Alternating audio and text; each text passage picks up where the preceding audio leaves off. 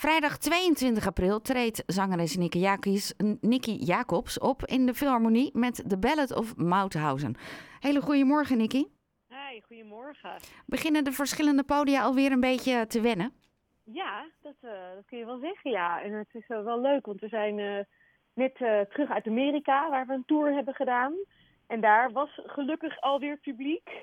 En uh, we zijn hier nu ook uh, heel uh, midden in een tour. En dat is ook steeds uitverkocht. Dus dat is fantastisch. Dus ik, ja, dat kan je wel zeggen. Ja. Je kan je hart ophalen. Nou, dat, ja, absoluut. Ja, het is, het is echt ontzettend fijn om weer op pad te mogen zijn. 22 april sta je hier in Haarlem met de Ballad of Mauthausen. Kan je iets Ja. meer vertellen over de achtergrond van dit stuk? Ja, ik denk dat eh, heel veel mensen het wel kennen, maar die zullen het dan eh, waarschijnlijk kennen als de Mauthausen-cyclus of de Mauthausen-liederen. Onder andere echt in Nederland wereldberoemd geworden, of nationaal beroemd geworden moet ik zeggen, eh, door een uitvoering van Lisbeth List.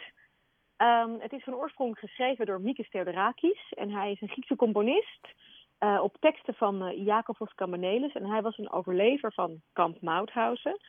En wat wij eigenlijk met die voorstelling gedaan hebben, is dat we dat stuk ge gebruikt hebben.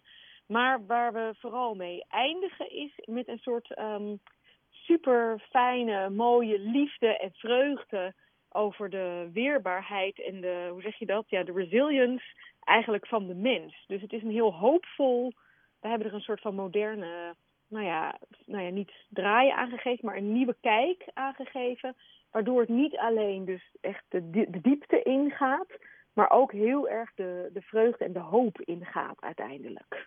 Dat je toch een beetje hoopvol weer naar huis gaat. Ja, dus we, we, beginnen, we gaan wel ook de diepte in, maar we eindigen uh, in de vreugde. Wat echt heel, wat, wat we van iedereen terugkrijgen, wat ze al zeer, uh, het publiek, hè, heel uh, fijn en mooi ervaren. Omdat we dus echt gewoon nou, eindigen in het leven. En dat maakt het dat het dus geen zware voorstelling is. Is het allemaal in het Jiddisch? Ja, het is allemaal in het Jiddisch. Ja. Nou hoorde ik onlangs dat er eigenlijk helemaal niet zoveel Joodse mensen in Nederland wonen. Nee, dat klopt. Want wij hebben natuurlijk een, een gat van, uh, nou ja, vanaf de oorlog natuurlijk, hè, 106.000 uh, Joodse medemensen die omgebracht zijn.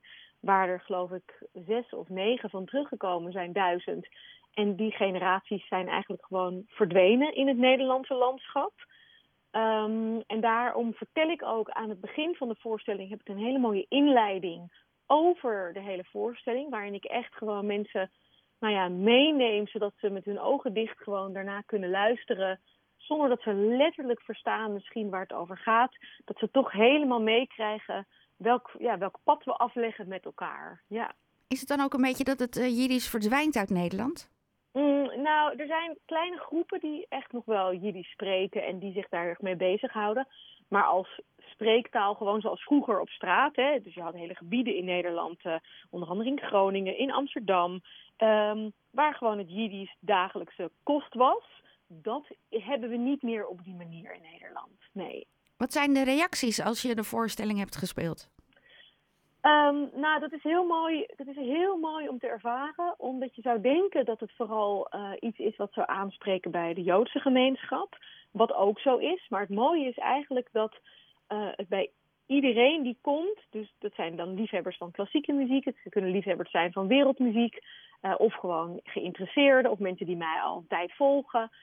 Mensen zijn in alle eerlijkheid helemaal weggeblazen van de schoonheid ervan. Dus mooi dat jij dit nog steeds kan brengen voor ons. Ja, absoluut. Ja, zeker. Ja, en ook nieuw publiek komt Ja. dus. Want het is dus veel drukker dan dat het eigenlijk ooit geweest is. Want ik doe altijd al een niche eigenlijk. En we merken nu dat er een soort nou ja, vertaalslag is naar eigenlijk een breder, groter publiek. Dat in eerste instantie misschien niet zo snel naar een Jiddische voorstelling zou komen. Maar wel naar die Ballad of Mauthausen bijvoorbeeld komt. En het eigenlijk als een meerwaarde ervaart dat wij op deze manier vorm hebben gegeven aan die voorstelling. Het is natuurlijk ook mooi dat deze voorstelling ook ehm, zo tijdens 4, 5 mei Ja. zoveel wordt opgevoerd. Absoluut, ja, dat, is, dat was ook echt het idee wat we hadden. Omdat het zo, en het gekke is dus, toen we hem maakten, toen vierden we eigenlijk 75 jaar vrede en vrijheid. Toen kwam die corona ertussen. En nu spelen we, hem, spelen we deze voorstelling met dus eigenlijk in gedachten dat in datzelfde Oost-Europa, waar de voorstelling begint, uh, in het verhaal nu weer oorlog is. Dus het, is heel, het heeft heel nou, bijna surrealistisch om op die manier weer in zo'n voorstelling te duiken. Uh, in de wetenschap dat we helemaal geen vrede op dit moment hebben in Europa. Wat ook heel, heel wrang en bizar is. Maar wat die voorstelling eigenlijk wel meer zeggingskracht en noodzaak weer geeft. Nog even over COVID. In die periode heb je ook uh, optredens gedaan in verzorgingshuizen. Toen hebben we je ook gesproken. Ja. Um, is dat iets als het schema toelaat wat je ook wil blijven doen? Ja, zeker. Ja, dat ik, we hebben, ik heb dat toen samen met uh, Ivo Dinkelaar gedaan. En dat was echt, dat was zo ongelooflijk mooi en waardevol en uh, ontroerend ook. Hè, om echt zo dicht nou, bij mensen te zijn. Vooral natuurlijk oude mensen, het waren uh, bejaardentehuizen of verzorgingstehuizen. Uh, waar die, waarvan de wereld zoveel kleiner geworden is. Hè. Dat zijn mensen die allemaal, net als jij en ik, nu dat dagelijks leven ingaan en die wereld bestieren en zo goed mogelijk uh, proberen dat te doen hè, met werk en kinderen en geliefdes. En om dan te zien ook hoe zo'n leven nou ja, ver, verkleint eigenlijk hè, naar zo'n naar zo'n plek. En dan te zien wat het doet als je daar dan weer muziek uh, komt brengen. Ja, dat was wel echt ongelooflijk dierbaar en dankbaar. Ja. Vrijdag 22 april, dan sta je in de Philharmonie. Ja. In, is dat in de kleine zaal, in die hele ja. mooie met ja, hout uh, afgewerkte? Ja, ja, ja. dus dat is voor ons dat is een van de mooiste zalen van Nederland om uh, akoestische muziek te mogen spelen. Ja, we staan in de kleine zaal. En hoeveel muzikanten neem je mee? Ik neem vier muzici mee. Ja, dus we zijn met z'n vijven. Ja. Nou, we gaan een stukje luisteren van, um, van het stuk wat je gaat brengen, reprise. Ja.